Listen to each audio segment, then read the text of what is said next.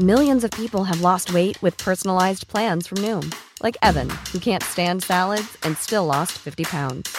Salads, generally, for most people, are the easy button, right? For me, that wasn't an option. I never really was a salad guy. That's just not who I am. But Noom worked for me.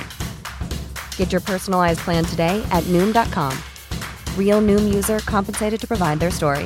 In four weeks, the typical Noom user can expect to lose one to two pounds per week. Individual results may vary. Hey, it's Ryan Reynolds, and I'm here with Keith, co star of my upcoming film, If, only in theaters, May 17th. Do you want to tell people the big news? All right, I'll do it. Sign up now and you'll get unlimited for $15 a month in six months of Paramount Plus Essential Plan on us. Mintmobile.com slash switch. Upfront payment of $45 equivalent to $15 per month. Unlimited over 40 gigabytes per month. Face lower speeds. Videos at 480p. Active Mint customers by 531.24 get six months of Paramount Plus Essential Plan. Auto renews after six months. Offer ends May 31st, 2024. Separate Paramount Plus registration required. Terms and conditions apply if rated PG. Hiring for your small business? If you're not looking for professionals on LinkedIn, you're looking in the wrong place. That's like looking for your car keys in a fish tank. LinkedIn helps you hire professionals you can't find anywhere else, even those who aren't actively searching for a new job but might be open to the perfect role. In a given month, over 70% of LinkedIn users don't even visit other leading job sites. So start looking in the right place. With LinkedIn, you can hire professionals like a professional. Post your free job on linkedin.com slash people today.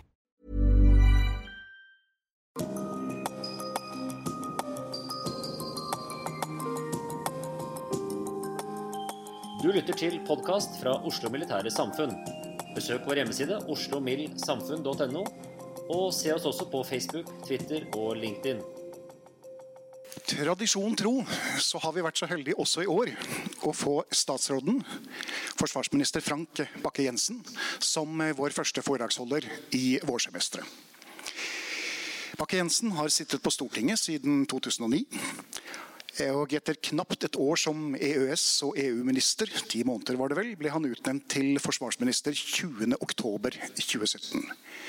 Forsvarsministerens årlige statusoppdatering er tittelen vi har på foredraget. Statsråd, talestolen er din. Tusen hjertelig takk. Hører dere meg?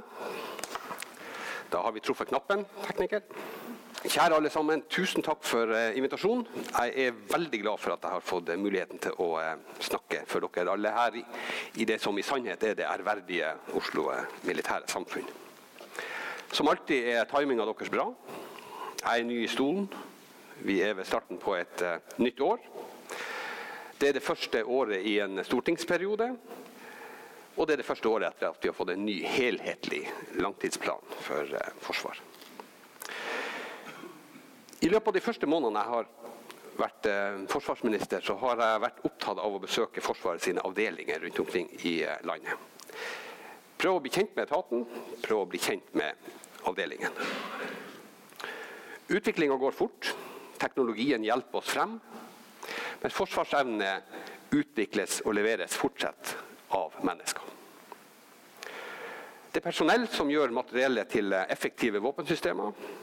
Og min hverdag har vært en lang rekke med møter med dyktige og dedikerte mennesker fra de forskjellige avdelingene i Forsvaret. Det er nå engang sånn at det er evnen til forståelse for og samhandling smått og stort som skaper forsvarsevne.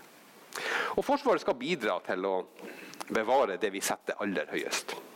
Et tillitsbasert, liberalt demokrati i et fritt og selvstendig Norge der vi har kontroll både på våre territorier, men også våre ressurser. Norge og våre interesser er under større sikkerhetspolitisk press enn det har vært på veldig, veldig, veldig lenge. Det har kommet et nytt alvor inn i sikkerhetspolitikken. Flere foruroligende utviklingstrekk inntreffer samtidig, forsterker hverandre og kan i verste fall ha potensial til å underminere den freden vi har levd med i over 70 år. Vi opplever økt polarisering i og mellom land. Vi opplever antistemninger av mange slag. Enten det er antiglobalisering, anti-elite, antifrihet, anti-institusjoner eller antidemokrati. Militære trusler, terrorisme, økonomisk usikkerhet, massemigrasjon og klimaendringer gjør at mange bekymrer seg for sine barn og sine barnebarns fremtid. Og også i Norge har vi noen som er bekymra. For det som skjer i verden rundt oss, påvirker oss her hjemme. Hver dag og over hele landet. Det er blitt sånn at Den eneste konstanten vi ser i dag, er at verden endres raskere og mer uforutsigbart enn den gjorde for bare noen få år siden. Derfor er det nødvendig med endringer. Derfor er det òg nødvendig med endringer i Forsvaret. Krevende endringer, men høyst nødvendige. Vi kan ikke stå i ro når verden endrer seg. Stillstand styrker ikke forsvarsevne. Stillstand bygger ikke sikkerhet. Stillstand skaper tilbakegang snarere enn fremgang. Vi må være rigga og beredt for det uforutsigbare. Og vi rigger oss for det uforutsigbare.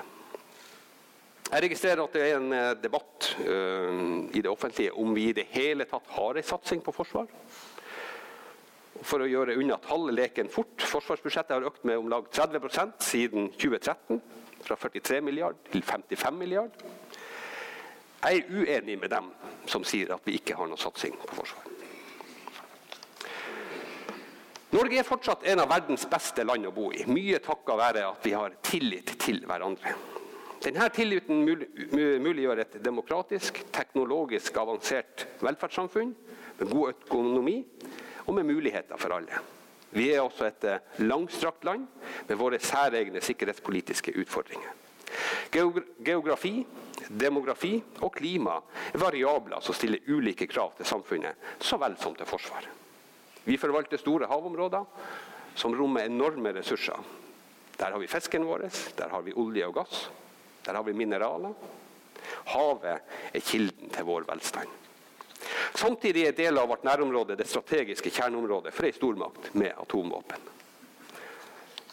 Dette danner et viktig sikkerhetspolitisk bakteppe.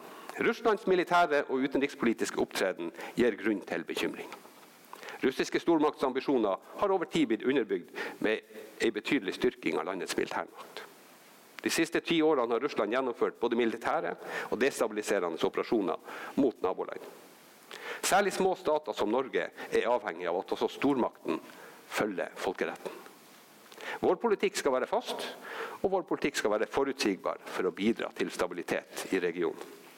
Vi står derfor sammen med EU om sanksjoner mot Russland etter de folkerettslige bruddene og anneksjonen av Krim. Og vi har, i likhet med våre allierte i Nato, suspendert det militære samarbeidet. Hvorfor, sier noen. Norge er ikke litt for folkeretten. Vi er ubetinga for og avhengig av folkeretten. Derfor. Samtidig som vi fra norsk side søker samarbeid og dialog med Russland, vårt største naboland, der det er mulig. Vi samarbeider om kystvakt, vi samarbeider om grensevakt, vi samarbeider om søk og redning, og vi har videreført mekanismene i Incident at Sea-avtalen. Vi har også opprettholdt direktelinja mellom Forsvarets operative hovedkvarter og Nordflåten. Vi har utvida den visumfrie sonen i Øst-Finnmark, og folk-til-folk-samarbeidet viser seg viktigere enn noen gang.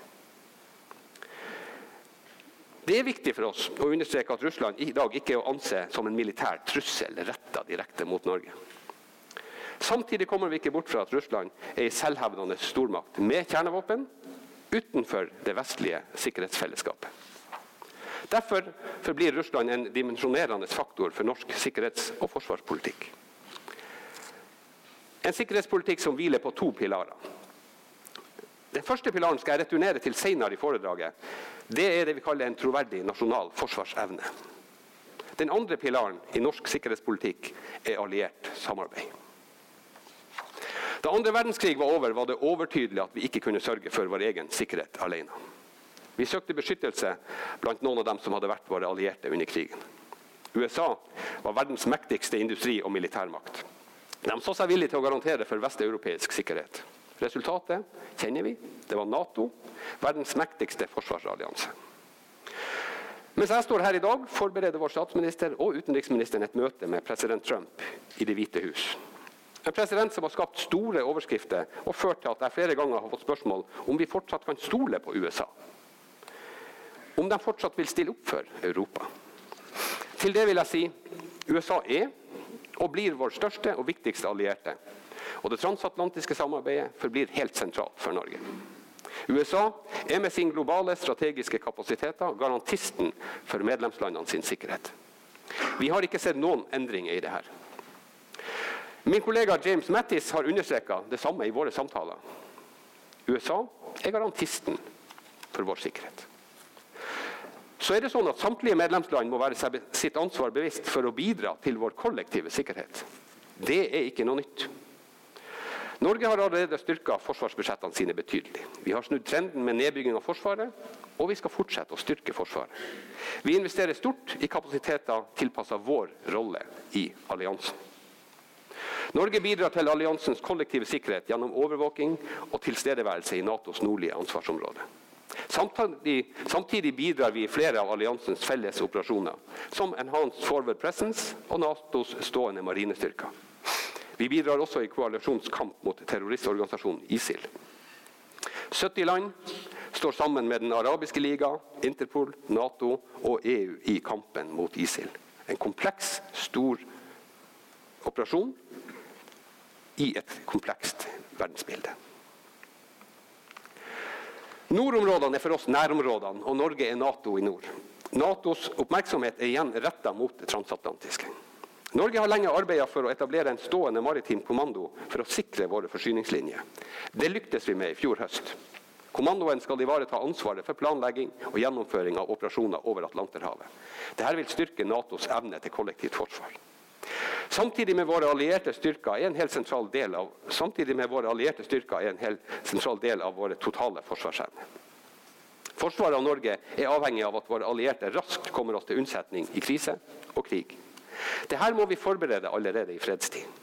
Det inkluderer tilrettelegging av tilstrekkelig mottakskapasitet og et oppdatert, oppdatert planverk. Også det amerikanske utstyret som er forhåndslagra i Norge, er en del av disse forberedelsene. Men utstyr og planer er ikke tilstrekkelig alene. Soldatene som skal komme oss til unnsetning, må være trent for operasjoner i Norge. Derfor er vi helt avhengige av at allierte soldater øver her i fredstid. Nå skal f.eks. britiske Royal Marines øve i Troms, sånn de har gjort om vinteren i mange mange tiår. Vi skal ha amerikanere, briter, nederlendere, tyskere og andre allierte hit. De skal trene tett sammen med norske styrker. En viktig satsing i langtidsplanen vedtatt av et bredt flertall på Stortinget. Til høsten skal Norge være vertsnasjon for den store Nato-øvelsen Trident Juncture. Det vil være med på å sette Norge, nordområdene og Nord-Atlanteren på dagsorden. Dette blir en av de største øvelsene vi har gjennomført i Norge noensinne. Nato planlegger med at så mange som 35 000 soldater skal delta. Trident Juncture vil være et nasjonalt løft som vil sikre både totalforsvar og vår evne til å motta og samvirke med allierte forsterkninger. Den vil gi oss en unik anledning til å prøve ut planverket både for enkeltsystemer og helheter i vårt forsvarskonsept, inkludert totalforsvaret. Forsvaret vil samarbeide med bl.a. politi, jernbane, veimyndigheter, næringsliv og andre offentlige myndigheter. Dette vil være første gangen vi får anledning til å teste vårt totalforsvarskonsept siden den kalde krigen. Her blir det viktig at vi lærer av både det som er bra, og det som ikke går helt etter planen. Sånn viser vi at Nato som allianse er i stand til å løse sin viktigste oppgave kollektivt forsvar. At det sikkerhetspolitiske bildet preger våre forsvarspolitiske, forsvarspolitiske prioriteringer, er helt naturlig. En vel så viktig dimensjon er utviklinga i teknologi. Den kalde krigen var, prega av kappløp. Det var atomkappløp, det var opprustningskappløp og det var teknologisk kappløp. Resultatet var at Vesten ved utgangen av den kalde krigen hadde et stort teknologisk forsprang. Det forspranget er i ferd med å bli viska ut. Et sentralt poeng i dagens bilde er at sivil og ikke-militær teknologi nå er ledende. Og den er ikke bare forbeholdt Vesten. Dermed ser vi at stadig flere land tar i bruk ny teknologi i militære operasjoner, og at det finnes flere virkemidler tilgjengelig. Et potent eksempel er langtrekkende konvensjonelle presisjonsvåpen. På kort varsel kan man ramme motstanderen uten å sette egne mannskaper i fare. Det er mindre fare for at sivile skal bli rammet. Dette gir et nytt handlingsrom. Terskelen for maktbruk kan bli senka, og vi vil sitte igjen med et endra trusselbilde. For oss innebærer dette bl.a. at der det tidligere var hensiktsmessig å spre ressursene, må vi nå kraftsamle under flerlags luftvernparaplyer. Tredimensjonalt kringvern for oss som var gammel i Hæren. Dette blir dyrt, og det tvinger oss til å prioritere. Den teknologiske utviklinga, spesielt innenfor kommunikasjons- og informasjonsteknologi, gir nye muligheter, men òg nye sårbarheter. Løsninger vi ikke engang drømte om for bare 10-15 år siden, er i dag blitt dagligdags. Stadig flere personer, gjenstander og systemer knyttes sammen i den digitale sfære. Vi må utnytte de her mulighetene som teknologien gir oss, samtidig som vi må være oppmerksom på sårbarhetene.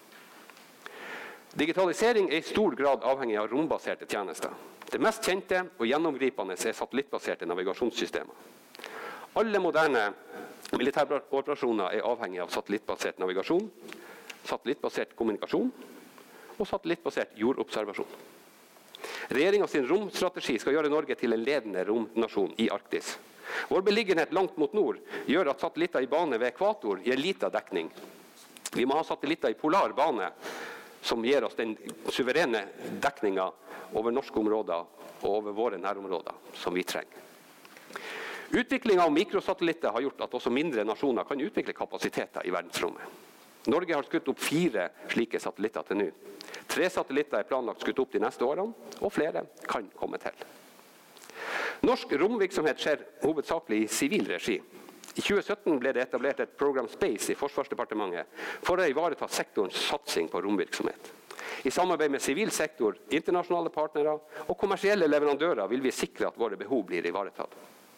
Slagordet for programmet 'så sivilt som mulig og så militært som nødvendig' er et godt slagord og viser litt av den nye tida. Det er et økende problem at vi i Arktis ikke har bredbånd. Nye kapasiteter som kampflyet F-35, overvåkingsflyet P-8 på Seiden, virker bedre med digital kommunikasjon med omverdenen. Vi deltar derfor i et tverrdepartementalt prosjekt for å skaffe bredbånd i Arktis. Planen her er også å skyte opp satellitter i bane over polene, som skal gi bredbåndsdekning for sivile og militære helt opp til Nordpolen.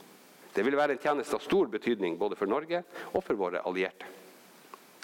Digitalisering og utnyttelse av rombaserte kapasiteter gir altså muligheter, men åpner for nye sårbarheter. Både statlige og ikke-statlige aktører kan utnytte systemene sine svakheter for å ramme oss. Det finnes grovt sett fire typer digitale trusler. Det ene er etterretning. Det andre er sabotasje. Det tredje er påvirkning. Og det fjerde er kriminalitet. Nasjonal sikkerhetsmyndighet, E-tjenesten og Politiets sikkerhetstjeneste har de seneste årene fremheva digitale etterretningsoperasjoner fra fremmede stater som en av de største truslene vi står overfor i det digitale rom. Grensene mellom de forskjellige truslene er flytende, og det kan være vanskelig å finne ut hvem som står bak et angrep, eller hva hensikten med angrepet er. Det kan være uklart om det er kriminalitet eller sikkerhetspolitiske formål som ligger bak. Og uklart om vi er utsatt for en militær operasjon eller ikke. Dette er det vi kan kjennetegne som hybride trusler. Grunnleggende er det for så vidt ikke nytt at en stat bruker alle tilgjengelige virkemidler for å oppnå sine mål. Det som er nytt nå, er at det er så uendelig mange flere tilgjengelige virkemidler. Regjeringa har tatt de her sektorovergripende utfordringene på alvor. Vi gjør et stort arbeid øh, der vi ser på hvordan vi kan styrke vår evne til å avdekke og motvirke truslene i det digitale domenet. Et eksempel er forslaget til ny sikkerhetslov som vi har fremmet for Stortinget. Forslaget til ny lov skal bidra til å trygge våre nasjonale sikkerhetsinteresser i et stadig mer digitalisert samfunn. Både offentlige og private virksomheter som råder over informasjon, informasjonssystemer, objekter eller infrastruktur som har avgjørende betydning for grunnleggende nasjonale funksjoner, vil bli omfattet av loven. Her er et lite bilde på utviklinga. Mens den gjeldende sikkerhetsloven har 33 paragrafer, har den nye hele 68. Og Det er sikkert jurister i salen som mener at jeg ikke kan bruke den sammenligninga, men jeg gjør jo det, da, siden det er jeg som har ordet.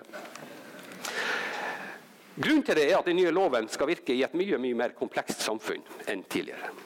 Med økende grad av gjensidig avhengighet på tvers av sektorene.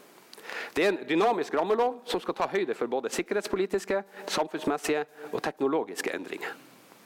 Loven legger til rette for samhandling mellom ulike sektorer og mellom private og offentlige virksomheter, slik at vi skal kunne oppnå best mulig sikkerhetsmessig effekt. En av de mest alvorlige potensielle skadevirkningene av påvirkningsoperasjoner er jo at tilliten i samfunnet svekkes. Amerikanske myndigheter har slått fast at Russland forsøkte å påvirke presidentvalget i USA. Det er blitt hevda at lignende innblanding har skjedd i valg i Europa. Flere av våre allierte utsettes for langsiktige påvirkningsoperasjoner. og Det vil være grenseløst naivt å tro at denne utfordringa ikke vil gjelde oss. Vi endra rutinene for opptelling av stemmer ved siste stortingsvalg, nettopp for å være sikre på at dette ikke skulle kunne manipuleres.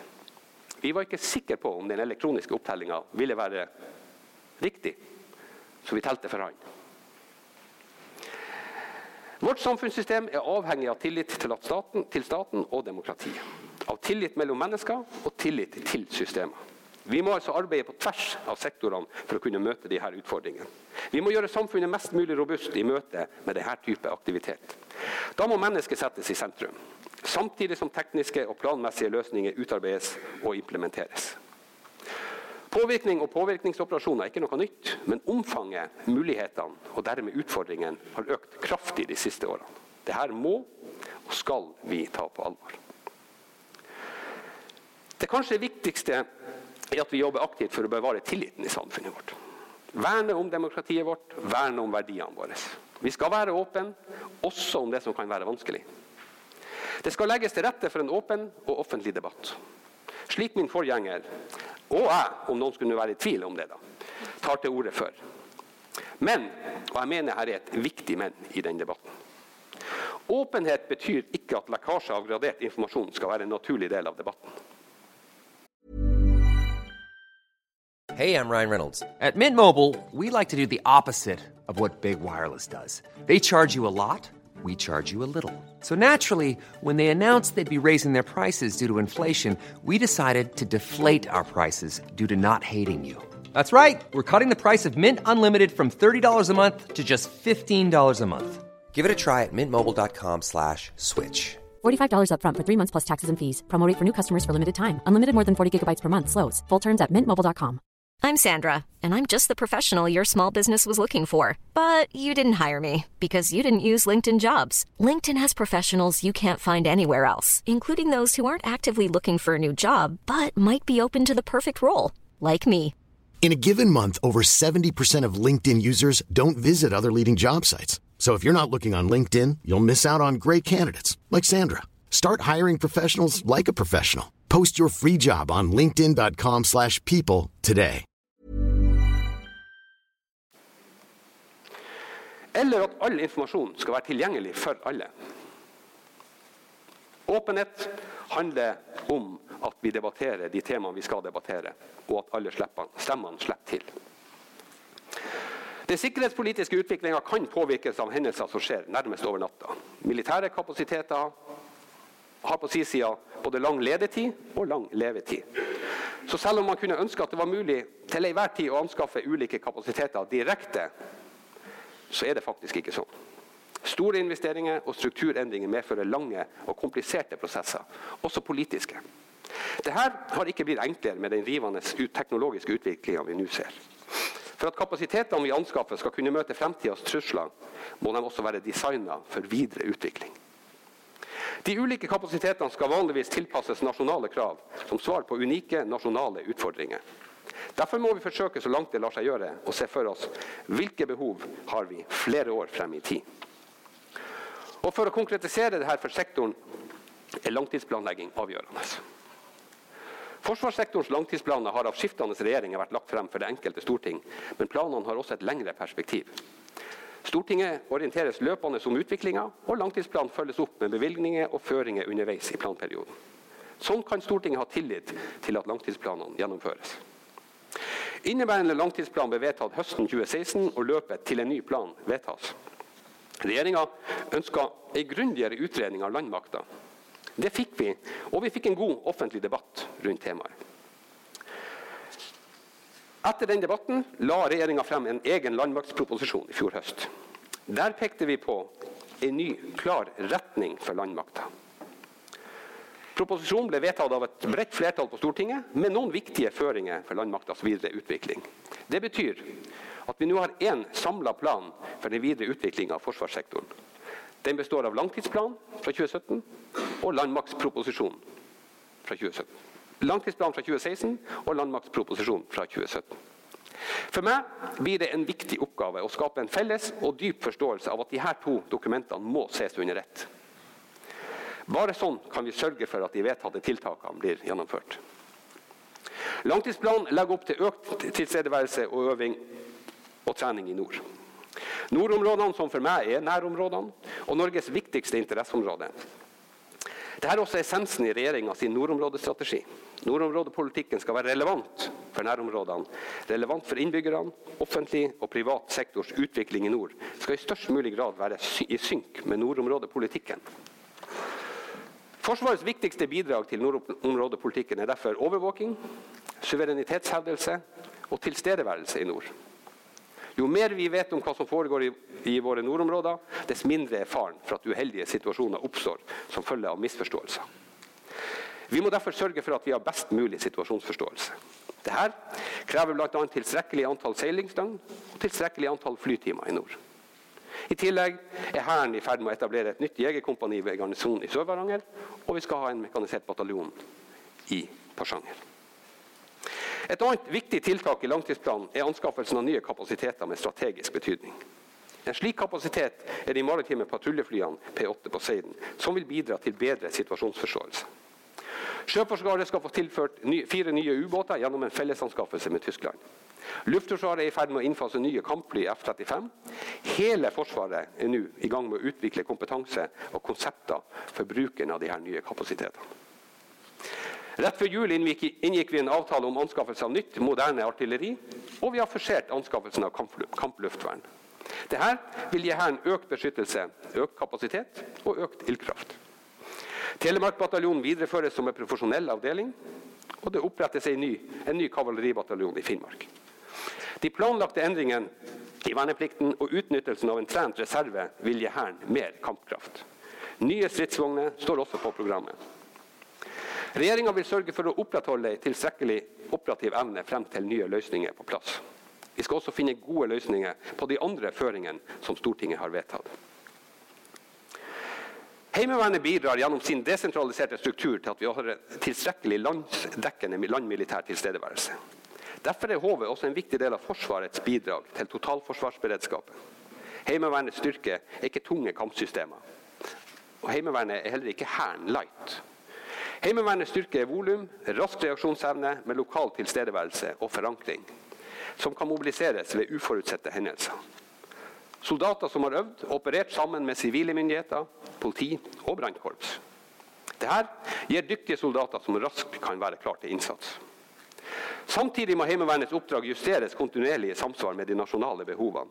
Kompetanse er altså stadig viktigere også for Heimevernet. Derfor er det viktigste fremover at soldatene trenes og utrustes for, oppdraget. Som landmaktproposisjonen pekte på, vil Heimevernet i fremtida måtte få noe større kampkraft og mobilitet. Slik kan Heimevernet møte en større bredde av trusler enn tidligere. Brigaden er Hærens kampsystem.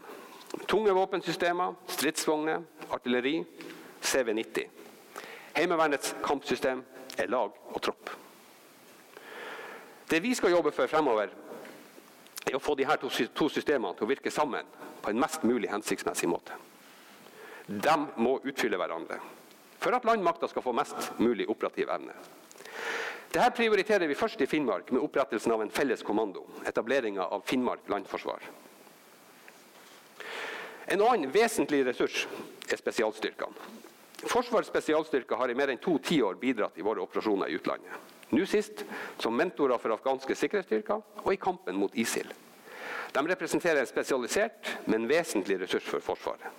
Nå skal de styrkes med en dedikert helikopteravdeling. Jeg nevnte innledningsvis at Forsvaret må operere, operere forskjellig i forskjellige omgivelser i hele Norge. Dette er spesialstyrkene eksperter på. Teknologiske nyvinninger både sivilt og militært gir nye muligheter muligheter for forbedringer og muligheter for rasjonalisering. Vår erfaring viser at relevant militært utstyr er kostbart. Derfor må vi alltid lete etter de mest kostnadseffektive løsningene og gjøre bevisste valg om hva som er godt nok. Det er vårt ansvar som politikere å sørge for at ressursene som fellesskapet stiller til rådighet, forvaltes på en god måte. Vi skal sørge for at gapet mellom ambisjoner og bevilgninger ikke vokser og blir uhåndterlig nok en gang. Langtidsplanen og landmaktproposisjonen er nøye gjennomtenkt, nøye synka, og den er basert på de rammene som er vedtatt. Vi skal vokte om balansen og vi skal vokte om bærekrafta i utvikling av sektoren. Det betyr at vi må stå i gjennomføringa også av de vanskelige beslutningene. Det betyr også at endringer underveis må ledsages av tilstrekkelige bevilgninger eller tydelige prioriteringer. Og I relasjon til mine tidligere linjer om tillit, det må ligge kunnskap og troverdige vurderinger bak prioriteringen. Bak langtidsplanene og de store anskaffelsene ligger det brede politiske forlik som gir gode forutsetninger for å gjennomføre de planene som er vedtatt. De, skiftene, de, de planene forplikter skiftende regjeringer, uavhengig av partifarge, slik at vi får kampkraft i et økonomisk bærekraftig forsvar. Et annet, et annet viktig poeng jeg vil peke på, er følgende. Når vi skifter system, kan vi få perioder med svekkelse av den operative evnen. Det er svært krevende å opprettholde så mye operativ evne som mulig i slike prosesser. Et eksempel på det er utfasing av P3 Orion og innfasing av P8 Poseidon. Et endret trusselbilde gjør at vi må finne fremtidsretta og kostnadseffektive løsninger for understøttelsen av det nye systemet. Stortinget har besluttet at hovedbasen for Norges nye maritime patruljefly skal samlokaliseres med kampflyene eh, på den fremskutte operasjonsbasen på Evenes. Dette er krevende.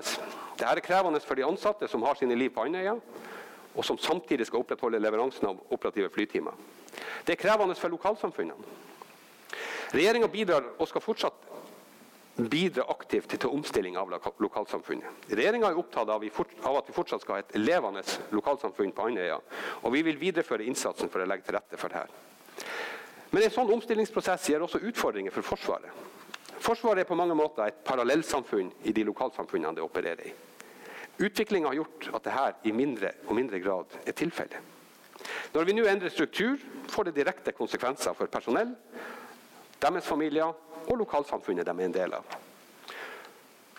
I Forsvaret må vi ta en mer operativ rolle når operative hensyn krever endringer i strukturen. Vi må være tydelige i våre prosesser, slik at tilværelsen og fremtida blir så forutsigbar som mulig, også for de berørte ansatte. Vi må anstrenge oss for å gjøre omstillinga så bra som mulig. For Forsvaret er dette viktig for å ivareta og beholde vår kompetanse der den behøves, gjennom hele prosessen. For befolkninga er dette viktig fordi det skaper større trygghet, tillit mellom innbyggerne og myndighetene. Som jeg sa tidligere, tillit er en tillit vårt demokrati er bygd på. Nye trusler som presisjonsvåpen og cybervåpen gjør at flere må samhandle på en annen måte enn tidligere. Fra før har vi hatt domenene land, sjø og luft. De siste årene har cyber og verdensrommet, eller space, kommet til som egne domener. På den ene sida har vi fått flere domener. I tillegg må de forskjellige domenene samhandle mye tettere enn før. Våre kapasiteter i alle domenene må virke sammen, og det gjør det hele mer komplekst. De fagmilitære snakker om multidomeneoperasjoner. Dette er nytt, under stadig utvikling. Det er et begrep ikke har klart å fulgt totalt med mening, men vi jobber med saken. Offiserer, spesialister og soldater med ekspertise i ett domene må i økende grad ta hensyn til alle de andre domenene òg. Det er, er Forsvarets operative hovedkvarter som viderefører og utvikler det fellesoperative i Norge. Men med multidomenetankegangen kommer det flere funksjoner enn det som tradisjonelt har vært det fellesoperative. Og flere av dem er mer sivile, som cyber og space. Vi må derfor utarbeide planverk, konsepter og doktriner for operasjoner i alle domener, i en norsk kontekst. Dette må også håndteres politisk. Multidomene utvider krigen både innenfor og utenfor de tradisjonelle militære sfærene på en annen måte enn tidligere. Det kan også føre til overlapping med sivile kapasiteter, som må avklares når det gjelder folkerettslige. Og Da kan man se på multidomenet som en moderne måte å tenke totalforsvar på. Politisk, strategisk og tverrsektorielt. Totalforsvaret innebærer gjensidig støtte og samarbeid mellom Forsvaret og det sivile samfunn. Samarbeid omfatter bl.a. forebygging, beredskapsplanlegging og krise- og konsekvenshåndtering. Det gjelder i hele krigsspekteret, fra fred via sikkerhetspolitisk krise til væpna konflikt.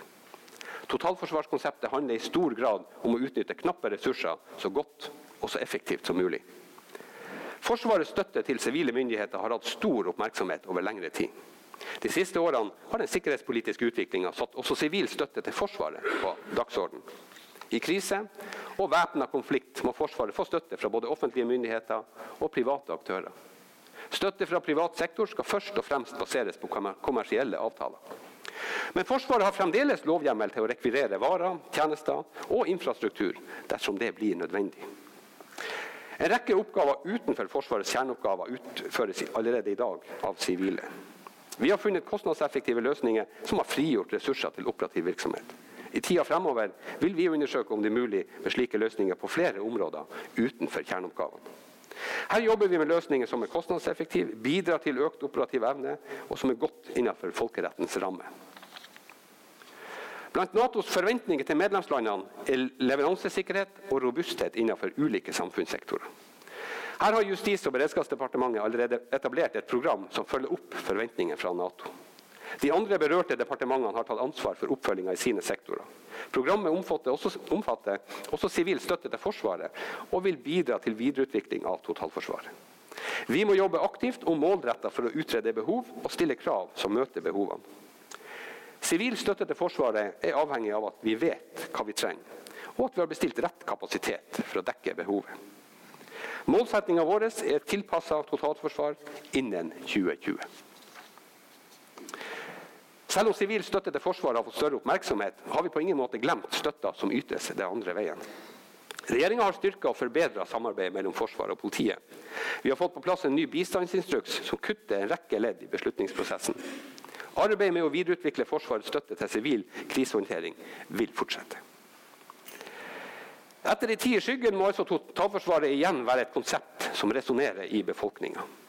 Slik bygger vi forsvarsevne, slik bygger vi forsvarsvilje, slik skaper vi ny forståelse for forsvarstanken i det sivile samfunn. Og I en tid med høy endringstakt må vi kontinuerlig tilpasse oss og være åpne for nye løsninger. Under den kalde krigen kalte vi inn nesten halvparten av alle årskullene. Den mannlige halvparten. Til og med vi som ikke var helt motivert, ble henta inn til førstegangstjenesten. Nå kaller vi inn en mindre del av årskullene. De mest egna, mest motiverte blant norsk ungdom. Uavhengig av kjønn. Verneplikta er dypt forankra i norske tradisjoner og verdier, og bidrar til befolkningens tillit til Forsvaret. Den bidrar også til å sikre godt kvalifiserte mannskaper til Forsvaret. Jeg mener det er viktig at den opprettholdes, selv om ikke alle kommer til å tjenestegjøre. I tråd med langtidsplanen og landmaktproposisjonen vil verneplikta videreutvikles på en rekke områder de neste årene. Det kan være utfordrende.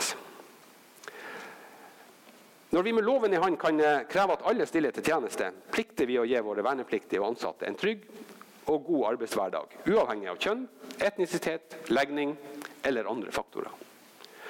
Og Nå regner jeg med at forsamlinga forventer en lengre utredning om metoo-kampanjen. Den skal dere slippe. Den største endringa når det gjelder metoo-kampanjen, er i utgangspunktet ikke det som skjer nå, men den endringa vi vil se på basis av kampanjen. Dette er en kulturrevolusjon. Det som ikke var OK, men ble stilltiende godtatt for ganske kort tid siden, blir helt uhørt i morgen. Det er bra. Det fører til viktig læring, eller varig endra handlingsmønster, som er definisjonen på læring. Så når det gjelder metoo, har jeg egentlig bare to budskap. For det første, i Forsvaret har vi nulltoleranse for mobbing og trakassering. Forsvaret har jobba godt og systematisk med denne problematikken i mange mange år. Resultatene har vært gode. Mange organisasjoner vil ha nytte av å se til Forsvaret når det gjelder arbeid mot mobbing og trakassering. For det andre det er kanskje utopisk å tro at mobbing og trakassering aldri vil finne sted. Men jeg har ett krav. Alle lederne i Forsvaret sørger for at den gode trenden fortsetter.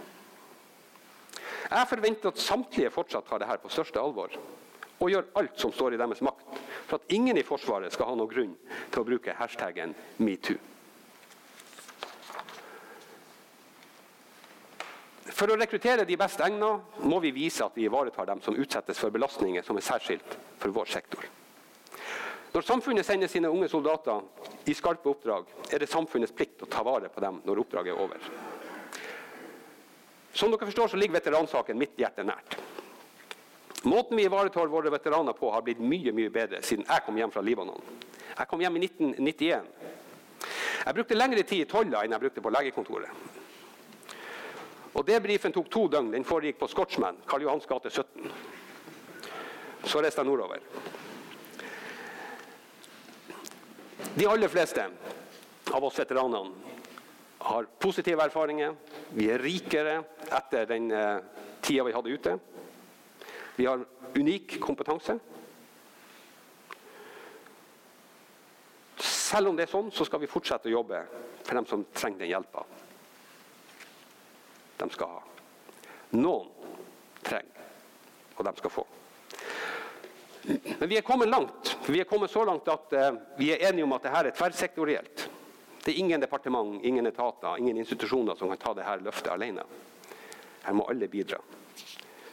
Derfor skal vi fortsette jobben med å utvikle planene og gode rammer for våre veteraner. Det er essensielt å sikre at sektoren også i fremtida vil ha den kompetansen som morgendagens trusler krever. Forsvarssektoren et system av systemer. Men først og fremst er forsvarssektoren mennesker. Det er soldater, det er sivile. De skal trenes, utdannes og øves, sånn at de blir i stand til å fylle de stadig mer krevende rollene i Forsvaret. Et av tiltakene er at Hærens rekruttutdanning samles under Hærens våpenskole. Operative avdelinger får da tilført soldater som allerede har militær grunnkompetanse, slik at tilgjengelighet og operativ evne styrkes. Flere avdelinger får flere innrykk enn i dag, slik at de har kompetente soldater gjennom hele året. Vi skal også etablere en aktiv reserve for å utnytte potensialet som ligger i verneplikten. For en del stillinger i Hæren vil førstegangstjenesten utvides med fire måneder. Til sammen sikrer dette kompetanse, kampkraft og responstid. Avansert teknologi gjør avanserte systemer enklere å håndtere rent teknisk. Men kompleksiteten krever en annen forståelse enn tidligere. Derfor gjennomføres det nå en rekke reformer som skal gi rett kompetanse på rett plass til rett tid. Vi er i gang med å innføre et spesialistkorps. Det skal sikre at komplekse systemer vil betjenes av spesialister som kan få det beste ut av dem. Offisersrollen skal reindyrkes. Offiserene skal i større grad konsentrere seg om ledelse, taktikk og overblikk i komplekse situasjoner. Spesialistene skal representere erfaring, kontinuitet og spesialisert kompetanse. Offiserene og spesialistene skal utfylle hverandre, slik at de sammen vil øke Forsvarets operative evne. Dette krever at vi ser utviklinga av offisersrollen og spesialistrollen i sammenheng.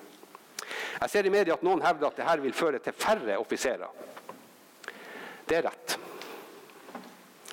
At offisersrollen endres og spesialisten kommer til, gjør at vi også må tilpasse utdanningssystemet til den nye virkeligheten.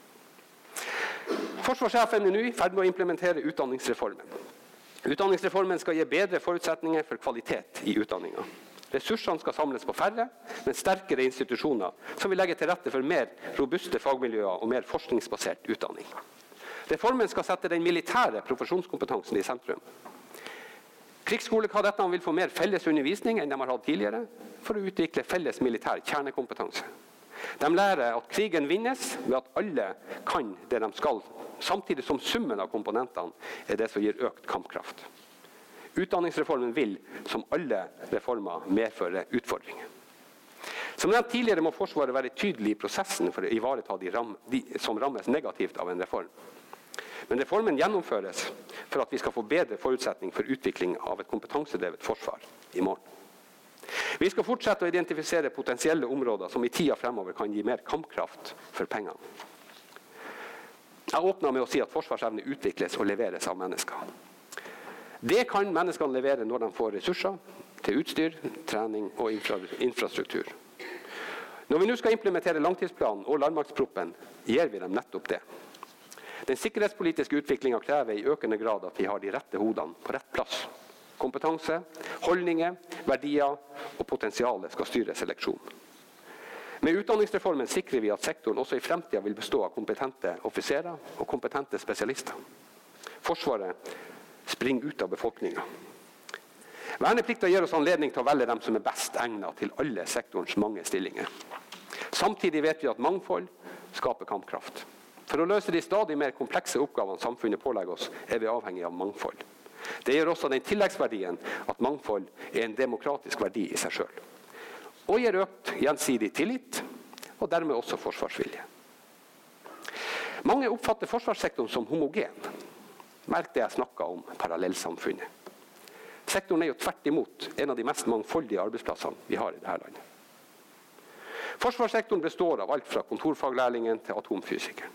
Infanteristen til kampflygeren. Programmereren til spesialjegeren. Teknikeren til ubåtkapteinen. Og hele vårt langstrakte land er representert. For det er nå engang sånn det er sammen vi kan møte fremtidens utfordringer. Og det er gjennom samhandling vi kan bygge et motstandsdyktig samfunn. Og det er Forsvaret, sammen med sivil sektor, som bygger totalforsvaret. For alt vi har, og alt vi er. Tusen takk for oppmerksomheten.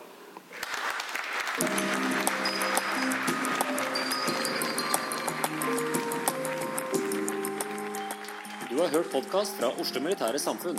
Besøk vår hjemmeside oslomildsamfunn.no, og besøk oss gjerne på sosiale medier som Facebook, Twitter og LinkedIn.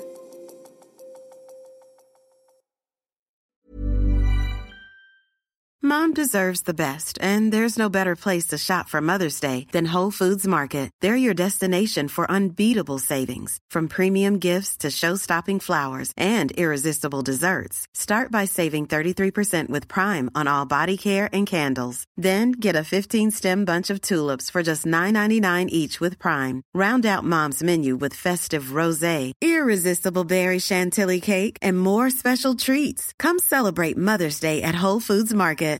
Planning for your next trip? Elevate your travel style with Quince. Quince has all the jet setting essentials you'll want for your next getaway, like European linen, premium luggage options, buttery soft Italian leather bags, and so much more. And it's all priced at 50 to 80% less than similar brands. Plus, Quince only works with factories that use safe and ethical manufacturing practices. Pack your bags with high-quality essentials you'll be wearing for vacations to come with Quince. Go to quince.com slash trip for free shipping and 365-day returns.